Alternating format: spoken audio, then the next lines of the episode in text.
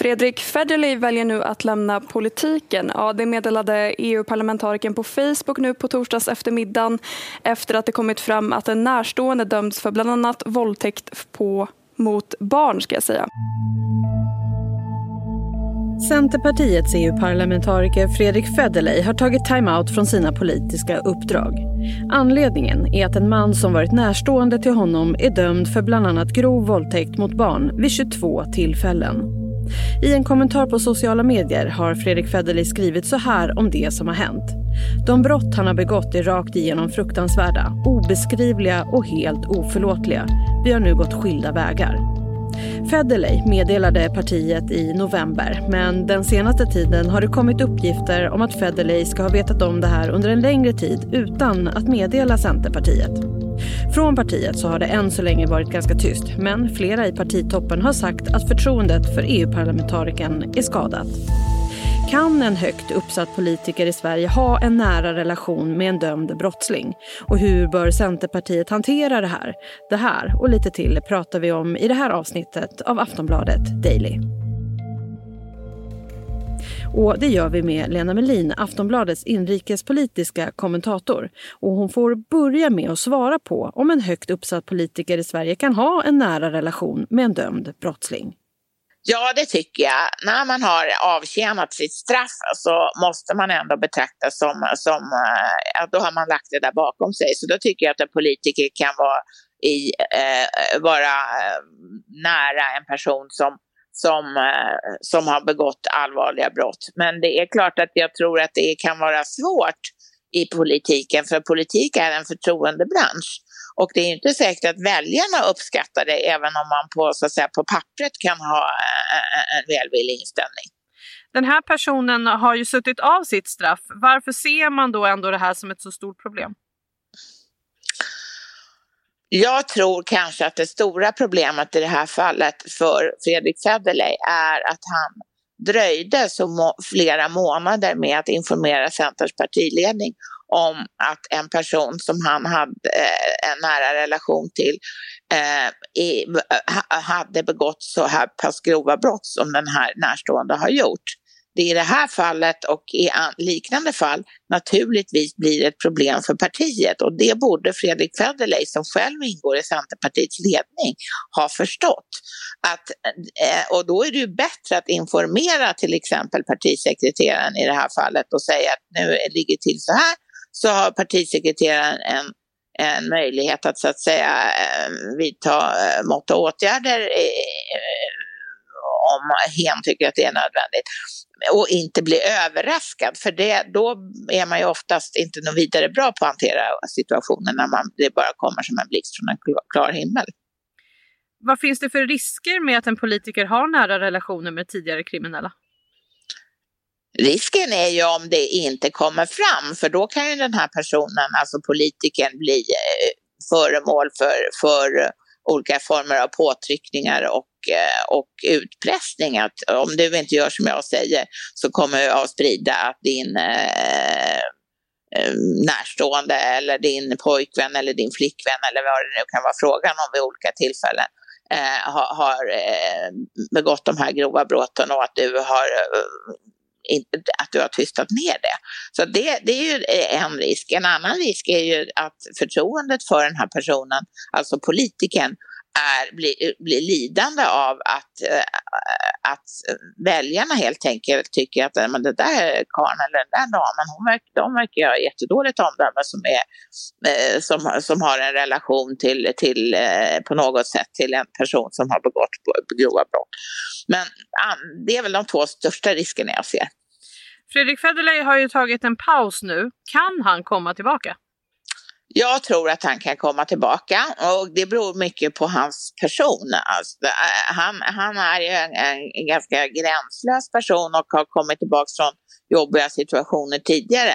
Men just nu verkar han ju ganska knäckt. Men jag tror att han kommer tillbaka om och kommer att tillåtas komma tillbaka av Centerpartiet om det inte finns någonting eh, som vi hittills inte känner till i den här historien.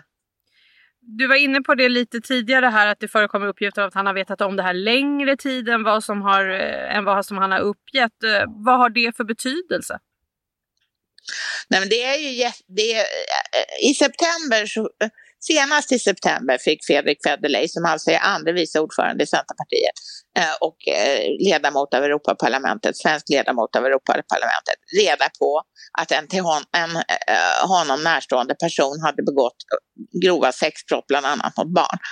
Det dröjde ända till slutet av november innan han meddelade Centerpartiets ledning att så var fallet. Och det här, det är nog politiskt sett det är det mest graverande som Fredrik Federley har gjort uh, i den här historien. Eller det en, och det, för det tyder på att han, han vill ju så att säga dölja det här för partiledningen och det, det är inte bra. Så hur har allt det här påverkat Centerpartiet? Jag tror att den här historien ännu så länge inte har påverkat Centerpartiet i någon högre grad därför att det är en ganska rörig historia med många eh, vinklar och vrår höll jag på att säga. Så att, um, jag, jag, tror att folk inte har tagit det till sitt hjärta och uh, har väldigt starka åsikter i den ännu. Men det, det kan jag ändra sig om det kommer fram nya detaljer. Annie Lööf och Fredrik Federley står ju varandra nära, har följt varandra under många år inom Centerpartiet. Hur tror du att det här har påverkat Annie Lööf? Jag tror att hon är bekymrad över sin gamle vän. Hon var vice ordförande i Centerns ungdomsförbund när han var ordförande och de har ju så att säga, så att säga följts åt genom åren. De tog samma obekväma ståndpunkt till en början i den här infekterade FRA-debatten för några år sedan Eh, där han löpte linan ut och det gjorde inte riktigt hon. Men jag tror hon är jättebedrövad över att eh, Fredrik Federley dels är så knäckt men också naturligtvis att, att han, förtroendet för honom är ju skadat och det har hon också sagt och det, det, jag tror hon är knäckt av båda de anledningarna. Att hans så att säga, förtroende som politiker är skadat och att han själv är så knäckt. Och vad tror du, har förtroende för partiet skadats eh, hos eh, folket och väljarna? Nej, alltså partiet tror jag inte är skadat av det här ännu. Men förtroendet för själva Federley är skadat. Och det, jag tror att det måste mer till för att det här ska eh, så att säga kladda ner eller eh, eh, även förtroendet för Centerpartiet. De det, det, den här historien är lite för svår så att säga än så länge för att man, den ska påverka parti, eh, hela partiets förtroende, eller part, förtroendet för hela partiet. Hur bör nu eh, Centerpartiet hantera det här? Ja, om jag var dem så skulle jag eh, bara tänka så här att vi låter helgerna gå och tar itu med det här i januari. För då kanske man tittar på det med lite klarare ögon. Det, ibland är det alltid bra om man har möjlighet att låta vattnet rinna under broarna så att säga innan man vidtar mått och steg. Men under förutsättning att Fredrik Federley vill och att inget nytt framkommer så tror jag att de bara låter det vara så att säga. Det, utan det är ju Fredrik Federleys egna handlingar som Centerpartiet måste eh, ta ställning till. Och det hittills dummaste han har gjort så att säga är att inte berätta det här för partiledningen.